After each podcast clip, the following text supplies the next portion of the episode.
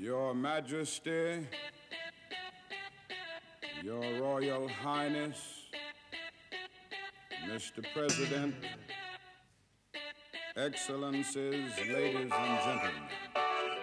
The Nobel Assembly at Karolinska Institute has today decided to award the 2013 Nobel Prize in Physiology or Medicine. 2018 Nobel Prize in Physiology or The Medicine Nobel Prize in Literature for 2010 The Royal Swedish Academy of Sciences has decided to award the 2014 Nobel Prize in Physics. Nobelpris i kemi ska utdelas gemensamt till Thomas Lindahl, Paul Modrich och Aziz Sanjar. Belki belli bir title'lar almış olabiliriz ama bu o Geriye doğru Klasik- gittik diyorsun. Türk hikayesine gibi ben sana PhD olamazsın demedim. Ben sana adam olamazsın dedim. çekemezsin dedim. Doğru. Evet. Podcast Bu çekemezsin yaşandı. dediler gerçekten ve biz de evet çekemeyiz dedik ve 11 aylık bir süre. Ama hep hep bir niyet 11 ayın sultanı podcast burada. Hep- hep çekme isteğimizi ve niyetimizi koruduk. Hep niyet ettik, çekelim dedik. Sonra Niyet çekemedik. ettik, niyetlendik podcast çekmeye. Mukadderat diyelim. Ama burada tabii şöyle bir şey de var. Bunu söylemek zorundayım. Yani eee, şu anda hepimiz de başka ülkelerde olduğumuz için hani burada izin almak gerekiyormuş. Öyle kafanıza göre podcast çekemiyorsunuz. Çünkü ilk önce dilekçe vermeniz gerekiyor. Ben podcast Evet. çekeceğim şu anda diye. Sağlıktan Mikrofon ikametli al- ruhsatı almak lazım. Hı hı. Aynen. Ya bu tarz- mikrofon ruhsatını Alişan alamadı bu. Ben Bu alamadım. bölümde. Evet. Evet. Yani o yüzden biraz Ben- ses böyle Kaçak diye gelecek. Kaçak podcast olarak çekeceğiz bu bölümü. Bu arada eee tabii on- 11 ay süre olduğu için de biraz da hani biz neden çekemedik, ne yaptık diye düşünelim. Düşündük. Aslında düşünelim düşündük. Yani yalan yapıyoruz şu an mesela rol yapıyoruz. Biraz dedik hani kendimizden şu süreçte ne oldu ne bitti. Çünkü en son bir Covid makalesi bastık biz. Basıyorduk. Vallahi basa yazdık diye bir podcast'imiz var. Intron bölümümüz. Ondan O sonra zaten neler niye oldu? uzun zamandır yoktuk bölümüydü. Onu çektik sonra bir uzun süre daha olmadık. Birazcık. Ya işte Ee, Doğancan sen başla özetle bakalım. Ne yaptın? Ya bir şey yapmadık. Bir sene boyunca birazcık yoğun geçti ama şu an buradayız ve çekmek için son derece enerji sesimden de anlaşıldığı üzere. Tamam. Birazdan uykuyor. Ama yani şunu şunu söyleyebiliriz sanırım. Herkesin hayatı bayağı bir böyle değişti. Yeni şeylere alışmaya Evet. çalıştık. Yeni... Mesela Alişan yeni saç stiliyle aramızda. Bayağı değiştik. Evet. Benim kelliğim Yani arttı. zaten zaten yurt dışına çıktık onu konuşmuştuk. E, hepimiz böyle yeni pozisyonlarda işlere başladık. E, zaten doktorayı bitirdik, postdoc olarak devam ettik. Hala devam ediyoruz çalışmaya ama işte farklı yerlerde yeniden başladığınız zaman her şeyi böyle sıfırdan öğrenir gibi oluyorsunuz. Böyle çok tecrübesiz başlıyorsunuz aslında. Ben mesela doktora yaptığım yerde işte 7 sene kaç sene kaldım? 7 seneye yakın kaldım.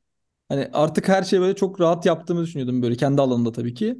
Ama buraya gelince tamamen böyle yeni başlamış stajyer gibi hissettim kendimi birçok Buradan konuda. çıkmış balığa döndün. Yepyeni bir lab işte başka şeyler çalışılıyor ya da başka tekniklerle çalışılıyor. Yani aynı şeyleri bildiğiniz şeyler çalışılsa bile çok başka şeyler başka şekillerde başka e, altyapılarla şey, şey çalışılıyor. Onların hepsine alışmak tabii bir, bir süre aldı. Ama hani tabii ki belli bir hani birikimle gelmeye çalıştık biz de o yüzden bir şekilde adapte olduk. Şimdi daha rahat bir hale geldik diye Evet düşünüyorum. çünkü bunda Alişan koşturuyoruz. e, bilgisayarını değiştirdi. Yani arkadaşlar bu çok Evet. önemli. Artık text editör değil, notepad kullanıyor. Aynen. Güncelledi Yani- kendini. Evet. Alişan bilgisayarı onu bırakmıyordu artık. Yani son radde olmasına rağmen hala kullan beni diyordu. O bilgisayarla buradaki teknolojileri kaldırtmaya yani o bilgisayarı kaldırtmaya çalıştım ama Olmadı. Olmadı. süre idare etti. Ondan sonra artık Artık. intihar Hakkın etti. rahmetine. Yani Ben onu öldürdüm bence artık. Ee, ölmesi gerekiyordu. Evet. Acısına son arada- var. Alişan'ın dediği gibi e, yani bu yola çıkıp yurt dışında po- biz postdoc'a devam edeceğiz veya yurt dışında eğitim hayatımız devam edecek arkadaşlar şimdiden başarılar. Hani kolay bir işlem değil. Ne kadar hevesli gelirseniz gelin, ne kadar hazırım derseniz deyin. e, zorlanacağınız bir aşama. O yüzden 11 ayı lütfen böyle çok görmeyin. Ağlarım. Bize de 11 ay kredi verin canım. Yani nedir? yani. Zaten bu Aa. podcast'in özelliği uzun senelere yayılacak olması. o 11 ayın 11 ayın sultanında 11 ay ne demek? En az 11 yıl e, mesela ara verebiliriz yani. Çünkü Nobel her zaman veriliyor. Zamanımız Bizi- bol. Ha, Ya şey demeye çalışıyorum. Ya bu bölümleri bitirsek mi bu arada? Yani Siz neden sıkılırsınız. yani bu bölümü bitirsek ne olacak yani? Herkes şimdi hayatını devam edecek. Hayır. Uzatıyoruz ki sakız gibi. Ee, yok ya bu bölümleri bitirince zaten biz yılda bir çekecektik ya hani her yeni yıl Normal zamana bölümü. ulaştığımız zaman da o. Yani Normal zamana 3'e ulaştığımız zaman. gelirsek Şimdiki şimdi zamana. aynen her Yani yılda bir bir anda Aynen. Ya biz 80 yıl önce geldik. Gerçekten bizim şu an 2023'e gelmemiz için e, 80 bölüm çekmemiz gerekiyor. Neyse. E, gözümüzde büyütmeyelim. Sayalım gün geçer diyoruz. Biz biliyoruz da çekmiyoruz. Yani biz Ben şey klasik yapıyorum. Çentik atıyorum duvara. Şimdi 80 tane kaldı böyle. O zaman biraz böyle hani eee, uzun süren bekleyişimizin ardından gerekli açıklamaları yaptıktan sonra biz bu bölümde ne konuşacağız? Bu bölümde e, bizim zaman zaman da aslında birazcık e, böyle Kaynak olarak. kaynak olarak kullandığımız, baktığımız zamanında da İsveç Bilim Akademisi'nde, Kraliyet Bilim Akademisi'nde görev almış olan bir tane bilim insanının Erling Norby'nin Nobel Ödülleri e, kitap serisi var. Nobel Ödülleri ve Yaşam Bilimleri. E, ya 2010 da No- yılında basılanı. Değil Aynen. mi? No- Nobel Ödülleri ve e, Doğanın Sürprizleri şeklinde çevirebileceğimiz bir tane daha var. E, ve üçüncü bir tane daha kitabı var galiba yeni yeni çıkmış. 2010 ve 2013'te bu bahsettiklerim. Orada çok güzel bir e, şey vardı, bölüm vardı. Bizim de çok sevdiğimiz. E, ilk, ilk kitapta 2010 kitabında Nobel Ödülleri ve e, Serendipity yani ne denir, ne denir Alişan? Talih, şanslı tesadüf. Tesadüf Şanslı tesadüf. yani evet. Evet. Çünkü bu kelimenin tam olarak yani tesadüf diyemiyorsun. Hani tesadüf tam Hı hı. betimlemiyor aslında. Çünkü burada hani hoş bir ne bileyim şans gel Hikayesi. rast geliş. Evet. Aslında yani bu zaten İngilizce'de de direkt anlamı olan bir kelime değil direkt aslında. Bir şeyden filan gelen bir kelime. Yani hikayeden gelen bir kelime. Hani Hı hı. Evet aynen. Ya Nobel ödülüne giden bir- herkes böyle metodik e, aslında ne ne yapacağını bilen ve sonucu belli olan şeyler yapmıyor. Bazen de şans büyük faktör oluyor. Aziz Sancar'ın burada dediği bir şey anlatmak istiyorum. Hı hı. Kendisi şey demişti hani nasıl aldınız dediğinizde ben durmadan çalıştım dedi. Ama şunu da ekledi bunun ardına o çok güzel bir şey. Bu benim metodum. Ben böyle başarılı olabiliyorum. Bir Evet. başkası belki benim kadar çalışmadan, benim çalıştığımın onda biri çalışarak da bu ödüle ada layık olmuş olabilir. Orada biraz da hani kişi kendine göre biraz şans faktörü dediğimiz aslında şansı yaratmak ve Evet. kişinin e, kendinin farkında olarak çalışması diyebiliriz. Ama Serendipity'den hani bir tatlı tesadüfler de Evet. özetleyelim. Tatlı kaçıklar. Evet. Biz de biz de biz de bu bölümde e, onlardan bahsedelim biraz. Güzel hikayelerden bahsedelim dedik. E, aslında bazılarını bazılarından bahsettik e, önceki bölümlerde. Ama o küçük tatlı tesadüfleri çok üzerine durmadığımız için. E, belki de insan faktörünün aslında ne kadar e, önemli olduğunu e, bir daha görmemize neden olacak hikayeler anlatmak istedik. Bu arada e, hikayelerde şöyle bir şey var Serendipity'ye girmeden önce. Hı hı. Bilim dünyası ne kadar detaya indiyse Serendipity'nin oranı o kadar düşüyor diye düşünebiliriz. Onu da söyleyeyim şimdiden. Son Ne dakikini demeye başta söyledim. Mesela bu değilim. kitabı okurken genel olarak hikayeler 1930'a kadar böyle çok sık rastlanan hani böyle şans gibi açıklanabileceğimiz hani bir tatlı tesadüf. Aa ben bunu şuraya koysam ne olur veya bunu buraya koydum farklı bir sonuç çıktı gibi deneylerden yola çıkıyorlar ama sonra işte bu 60'lardan 70'lerden sonra belli başlı şu anda günümüzün bilimin temelleri de iyice atıldıktan ve tanımları oturduktan sonra mesela bu serendipity oranı gittikçe düşüyor. Azalıyor. Evet evet. Hmm. Biraz şey Ama oluyor bu-. Yani sistematikleştirilmiş deneyler hı. yapıyor. Çünkü daha işte kontrollü, normalize edilmiş işte bir şeyler yani böyle zaten baştan aslında o tesadüfe, şansa mümkün olduğu kadar az yer vere, vermek için daha Evet, kontrollü zaten daha çok şey baştan. biliyorsun gibi Yani oluyor. mesela zaten çıkabilecek her şeyi birlikte deniyorsun ya da hepsinin birlikte yorumlayacağın kontrolleri koyuyorsun deneylere. Hı hı. Böylece şansa değil de aslında sen örnek sayısını artırıp işlerinden en uygun olanı bulmaya çalışıyorsun. Kitaba gitmeden önce sadece bir noktaya değinmek istiyorum. Chapter'da da hani bahs yani kitabın o bizim belli bahsettiğimiz hani konuşacağımız chapter'da da yine şöyle bir şey vardı. Aslında hani bu şans mı? Şansı kendi kendine yaratma. Yani bu tatlı tesadüf aslında hani burada Türkiye'de çünkü hani bizim genel olarak şöyle bir algı var. Adam işte bakmış görmüş. Ya hayır ama o, o bilgiyi o bakıp o şeyi anlayabilmek için de bir birikim gerekiyor mu? Mesela aslında bu tatlı tesadüfü de biraz da Her bize de göz oldu biz bakar mı? görmedik. Şans başarının yanındadır diyorsun. Yani. Öyle Hiçbir demiyorsun. başarı tesadüf değildir de diyerek de bir bölüm bitirebiliriz. Yani orada tabii şu, Görüşürüz. şu sanırım ya önemli bence. Hani Bir belki fikirleri alalım aynı, Alican. Ne diyorsun mesela? Aynen. belki hani aynı tesadüf başka bir sürü insanın da başına gelebilir ama o sadece Evet. bir anlık bir böyle tesadüf olarak gelir geçer. Yani onun onun o tesadüften ya da o şans eseri oluşan durumdan büyük bir buluş çıkartmak aslında belki bilim insanının asıl bilim yaptığı yer. Yani e, ya da böyle büyük buluşların ortaya çıktığı yerler oralar yani. Çünkü belki aynı durum bir sürü insanın başına gelmiştir. E, ama yani oradan büyük bir buluş çıkartamamıştır. Çünkü orayı alıp doğru yorumlamak, alıp onu böyle yani gerçekten ne anlama geldiğini sorgulamak ya da belki de tesadüf eseri çıkan bir bilgiyi daha sistematik bir hale getirmek, bir sürü şeyi o zaman kontrolü onun üzerine yerleştirmek mesela koymak. Bu tamamen bilimin yaptığı şey ya da bir gerçekten bir e, keş, kaşifin yaptığı yaptığı bir şey olabilir. E, Yani aslında tesadüf bir çıkış noktası oluyor ama sen oradan çıkan bilgiyi alıyorsun ve e, iyice araştırıp yorumlayıp e, birçok kontrollü bir hale getirip e, çok daha sistematik oturmuş bir bilgi haline getirebiliyorsun. Ya burada bir de şey de var. Bazı şans eseri buluşlar kolay hata veya dikkatsizlikten dolayı kaynaklanan e, şans oluyor deneylerde. Ama bazıları da böyle gerçekten yani çalıştığın konuyla da alakalı demeye çalışıyorum. Çalıştığın konu seni öyle bir noktaya getiriyor ki aslında hani deneyin bir bölümünde yaptığın küçük bir hata sana yarayabiliyor. Ama bazen de komple böyle farklı düşünmen gerekiyor ya da çok büyük bir deney tasarlaman gerekiyor. Ve o sıra bulduğun küçük bir şey e, senin şansın oluyor. Hani şansın da böyle değişik Tabii. kategorileri var. Dimitri Ivanovski kendisi Hmm. Rusya'da bir bilim insanı. Bu infe- enfeksiyon çalışırken diyor ki ben diyor tütün tütünde oluşan bu bizim şu anda bildiğimiz tütün mozaik virüsüyle ilgili acaba diyor likit likitlerden infekte olur mu diye bir çalışma yapıyor.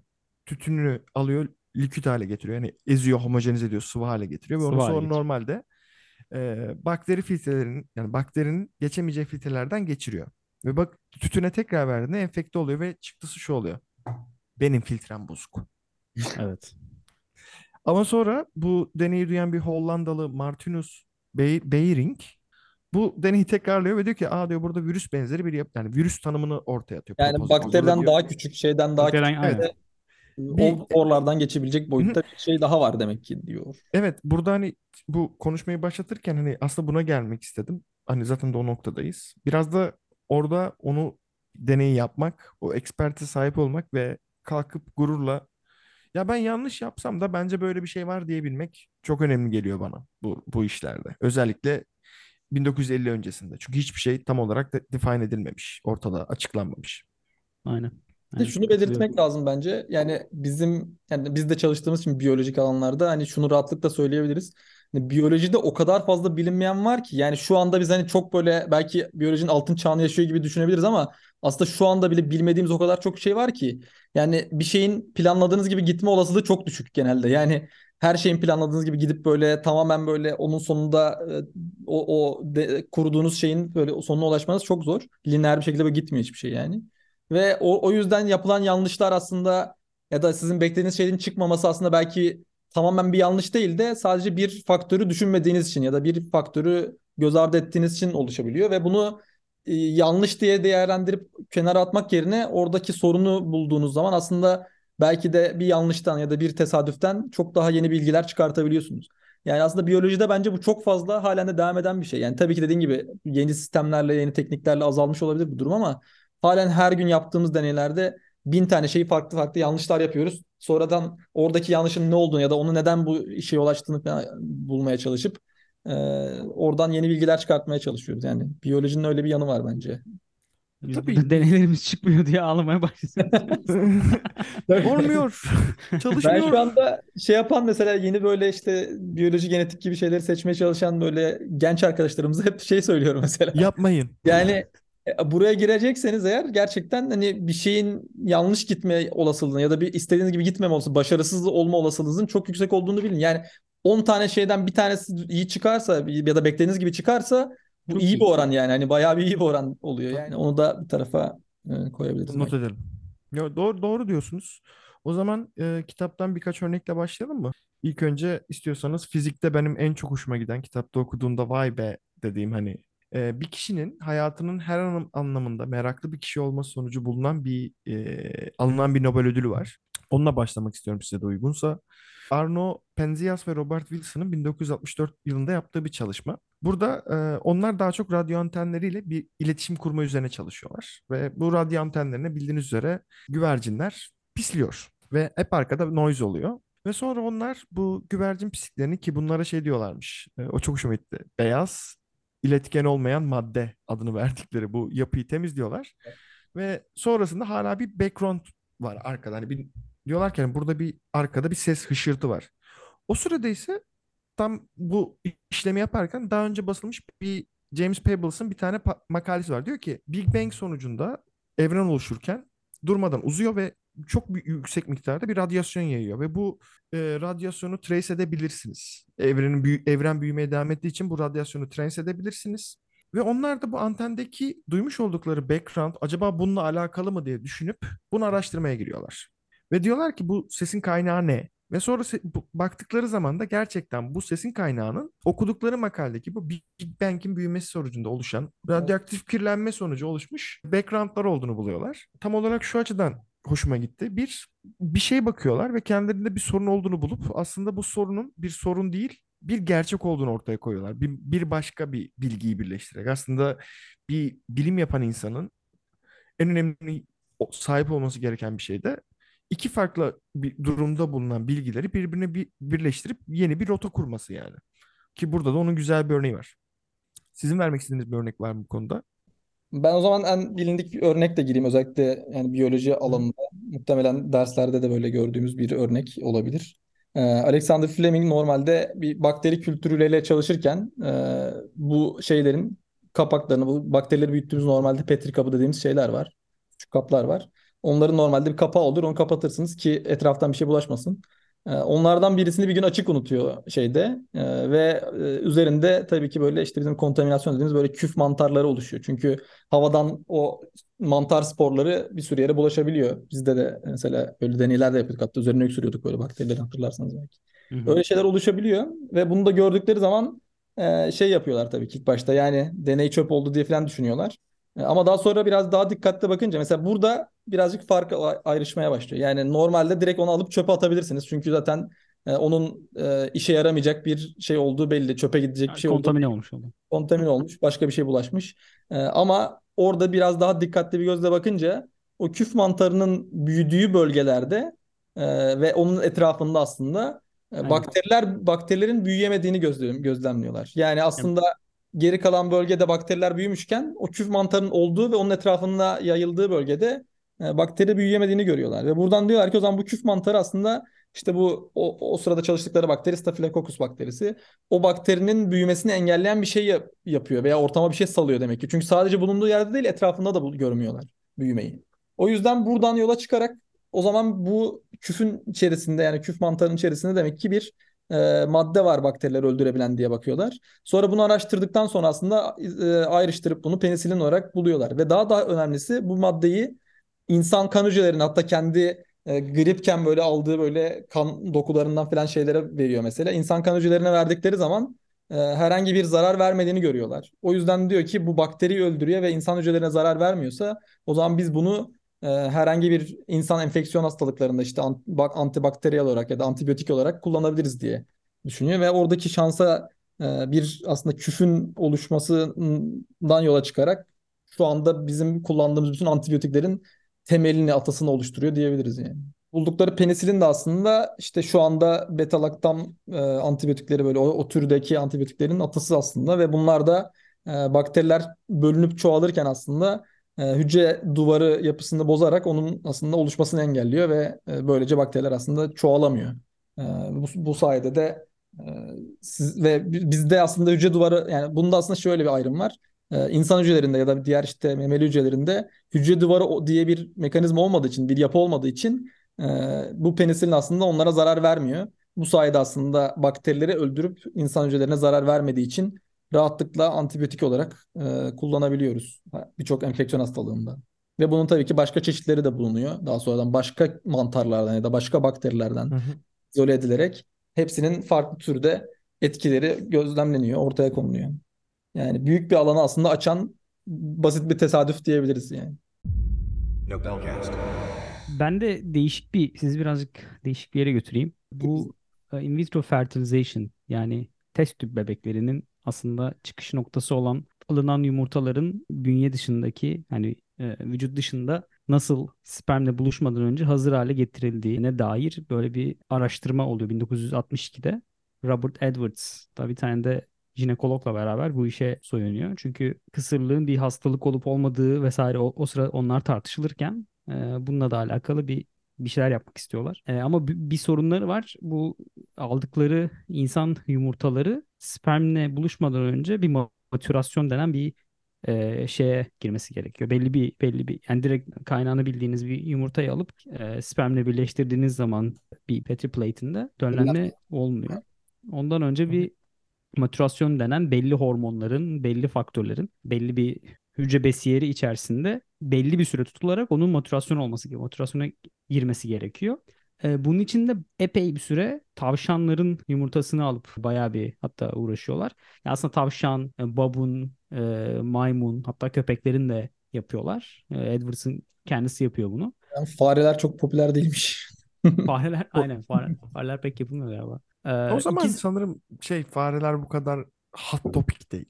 Bir de şey yok ki böyle hani tamamen o sınıflandırmalar şunlar bunlar gelişmiş değil. Aslında bize o kadar benzediği belki de bilinmiyor olabilir. Küçücük şey yani fareyle insanı aynı model olarak düşünmek zor. aynen, aynen. Devam Ya edelim. bu bunun detayına çok girmeyeceğim. Zaten önemli olan hani bu bunu şans olarak e, şans hikayesi içerisinde anlattığımız için asıl detayına girmeden o belli hormonların ismini vesairesini söylemeden anlatmak istiyorum. İki sene boyunca bu Edwards farklı besiyerleri, farklı faktörleri deneyerek ve belli bir süre bekleyerek motivasyona girmesini sağ girmesini bekliyor. Ama elindeki yumurta sayısı da tabii ki az. Yani öyle insandan hemen tak tak alamıyorsunuz. Çok az, çok az donör var. O jinekolog sayesinde bahsettiğim jinekolog sayesinde. Edwards'ın bildiği bir data var. Ee, özellikle tavşanlarda yapılmış bu matürasyon deneylerinde belli yine besiyer içerisinde yaklaşık 12 saat içerisinde bu matürasyon olması gerektiği bilgisi var. Ve herkes de bunu böyle biliyor. O yüzden de her seferinde 12 saat bekleyip bir besiyeri değiştirip 12 saat bekleyip ondan sonra o yumurtayı alıp olgunlaştı mı olgunlaşmadı mı diye artık onu mikroskop altında incelemesi gerekiyor. Yani dağıtması gerekiyor şeyi. Artık onu gidip tekrar kullanamıyor. 12 saat bekliyor, besiyeri değiştiriyor vesaire. 2 sene boyunca bunu deniyor resmen. Ama bir süre sonra kendinin de bilmediği nedenlerden dolayı sanırım bir sanırım 3-4 tanelik bir şeyden sonra böyle e, yumurtayı denedikten sonra bu da 6 aylık bir süreden bahsediyorum. Sonunda bir tanesini 12 saatten fazla bekletmeye karar veriyor. Artık en son çare. Çünkü bir sürü e, farklı Hadi bir de bunu deneyelim. Aynen.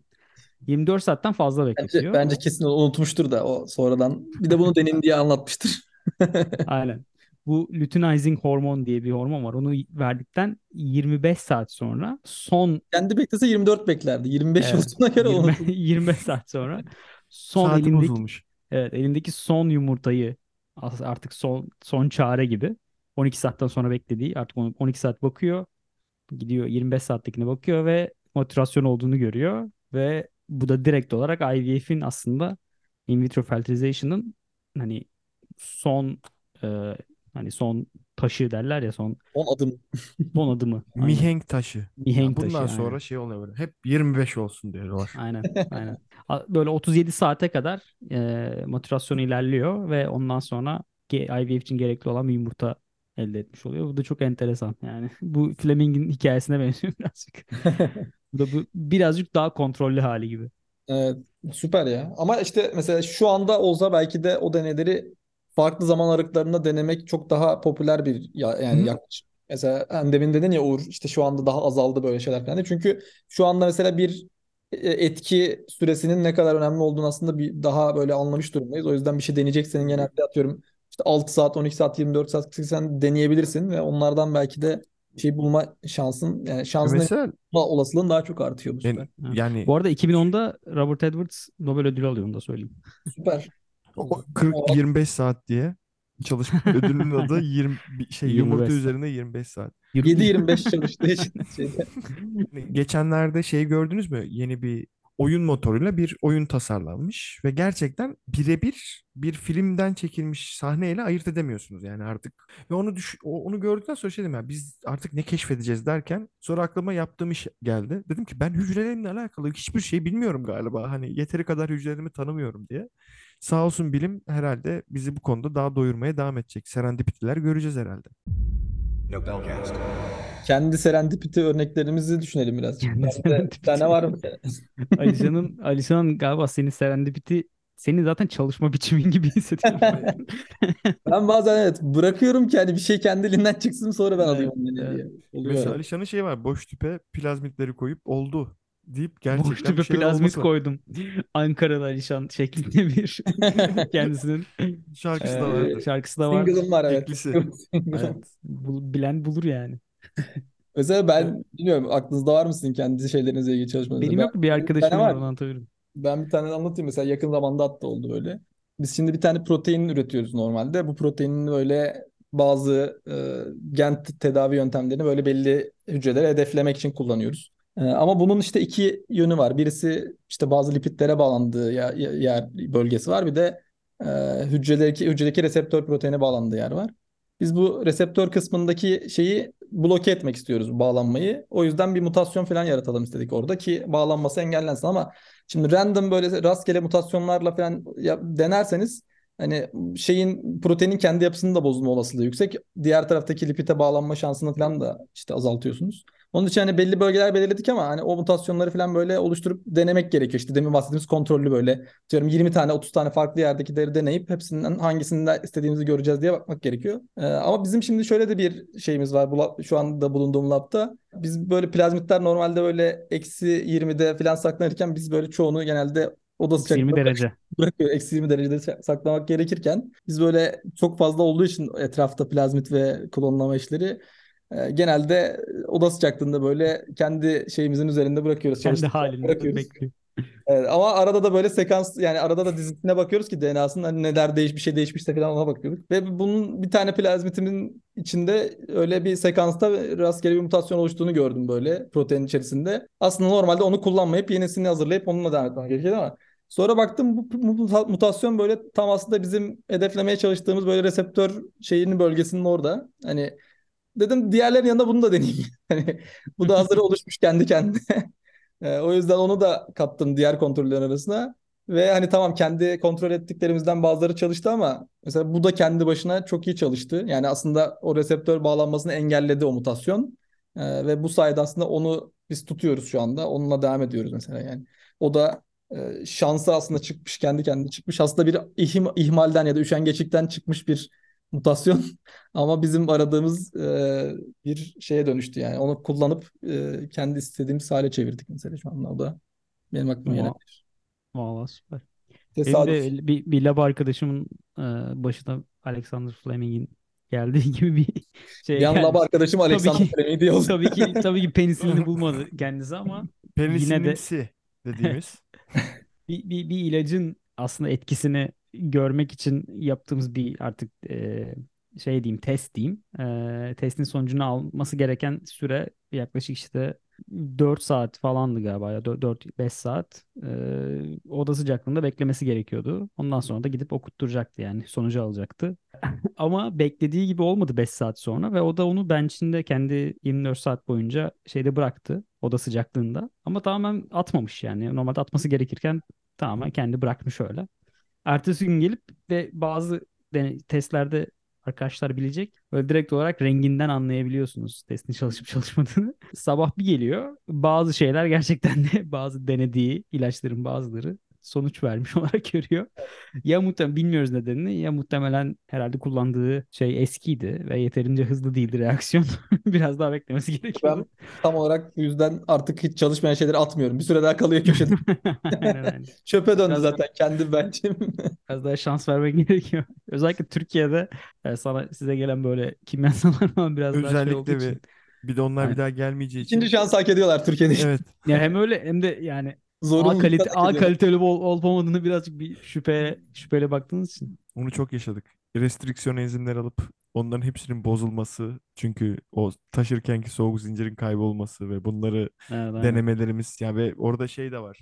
İşte bu kendine güven benim başıma gelen şuydu. Ben cloning yaparken çalışmadı yani. Olmuyordu. Ben kendim yapamıyorum diye düşündüm. Sonra bir arkadaştan yardım istedim. O da yapamadı. Sonra o da başka birine sordu ve sonradan gerçekten enzimlerin hepsinin doğru taşınmadığı için bozuk olduğu ortaya çıktı. Mesela böyle bilimsel olmayan ama sizi ekonomik olarak rahatlatan, psikolojik olarak rahatlatan serpentitiler de yaşayabilirsiniz.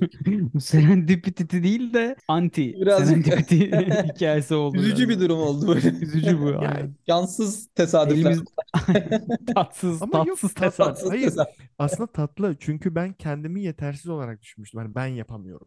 Hmm. Sonra arkadaş da yapamıyorum dedi. Sonra diğerleri de yapamıyorum dedi. Yani evet. Sonra kişisel Ama- gelişim şeyine bağlayabilirsin mesela. Kendinize güvenin. Aslında Evet. etrafındakiler sizi düşürüyor ben Evet. ilk hikayeme neyle başladım? Rus İ- Ivanovski ile başladım. Kendine Evet, güvenmiş ama, ama olsaydı kötü vi- kötü tarafı şöyle oldu. Sen o enzimleri 3 ay gelmesini beklemiştin. Şimdi bir daha 3 ay bekledin. Bir 3 ay daha bekledin yani. Ve yeni gelende de aynı şüphe var her zaman. Yani. Aynen. O risk hala duruyor yani sıfırlanmadı. Zaten bu, Bu da arkadaşlar aslında bu Türkiye'de riski bilim yapmanın da bir heyecanı. Heyecan işte bu da. Evet o zaman kapatmadan önce biz bu kadar bölüm boyunca serendipity serendipity dedik. Nereden geldi bu serendipity? Ee, bunu da söyleyelim kelime olarak ve öyle kapatalım. Ee, bu kelimeyi aslında hani İngilizce olan bir şey de değil, e, bilimsel bir şey de değil. Tamamen bir tane e, yazarın böyle arkadaşına yazdığı bir mektupta falan böyle şey geçiyor. Bir hikaye anlatıyor ve işte o hikayede Serendip diye bir bölgede yaşayan üç tane prensin hikayesi aslında. Ve bunlar e, sürekli işte dünyayı falan gezerek şey yapıyorlar. Böyle tesadüf eseri, kazayla böyle şansa falan böyle keşifler yapıyorlar. E, bu böyle bir hikaye yazmış aslında e, Horace Walpole 1754'te. E, ve buradan aslında yola çıkarak daha sonra e, bilim camiası bunu e, şey olarak kullanıyor. Aslında sadece Bağrına bilimde kullanılıyor benim bildiğim. Yani başka da pek bir yerde kullanılmıyor herhalde. Tesadüfi şekilde keşif yapma. Ben duymadım sokakta. Hiç serendipity'ye rastlamadım. Çünkü o biraz keşifle alakalı bir Hı? Evet. hikaye ya. Aynen yani tut- tutup da ben yeni bir Halkta bir karşılığı yok. Aynen yeni bir yemek tarifi keşfettim. Serendipity anı yaşıyorum. Olmuyor yani. Hanım kalk serendipitim geldi. Ee, Gerçekten günlük hayatta serendipity diye başka bir bölüm çekebiliriz belki de. İleride Nobel aldığımızda bizim de serendipitimiz vardı. Bizim neden serendipitimiz yok diye kimse bize sormaz. Evet. Yanlış yerlerde kullandık. Kendi serendipitimizi hiç birimde kullanmadık. Hep yanlış yerlere çektik. Zaten başkasının serendipity'sini başkası kullanamaz. Alişan. Herkesin serendipitisi kendine diyorum. Aynen. Ve arkadaşlar Alişan teşekkür et dinleyicilerimize. Teşekkür ediyorum. Herkese bol serendipitili günler diliyorum buradan. Evet. Do Doğan Can'cığım sen de bir teşekkür et. Evet diye geçiştirme. Bizzat Ben de Ağır serendip ya. serendipity'si bol ve e, şanslı yıllar, günler diliyorum herkese. efendim bu 11 ayın sultanı olan podcast'imizde inşallah size serendipity getirmişizdir. Bizi dinleyen kulaklarınıza sağlık. Hepinize teşekkür ediyoruz ve iyi günler diliyoruz. Giderken de sizi serendipity ile uğurluyoruz.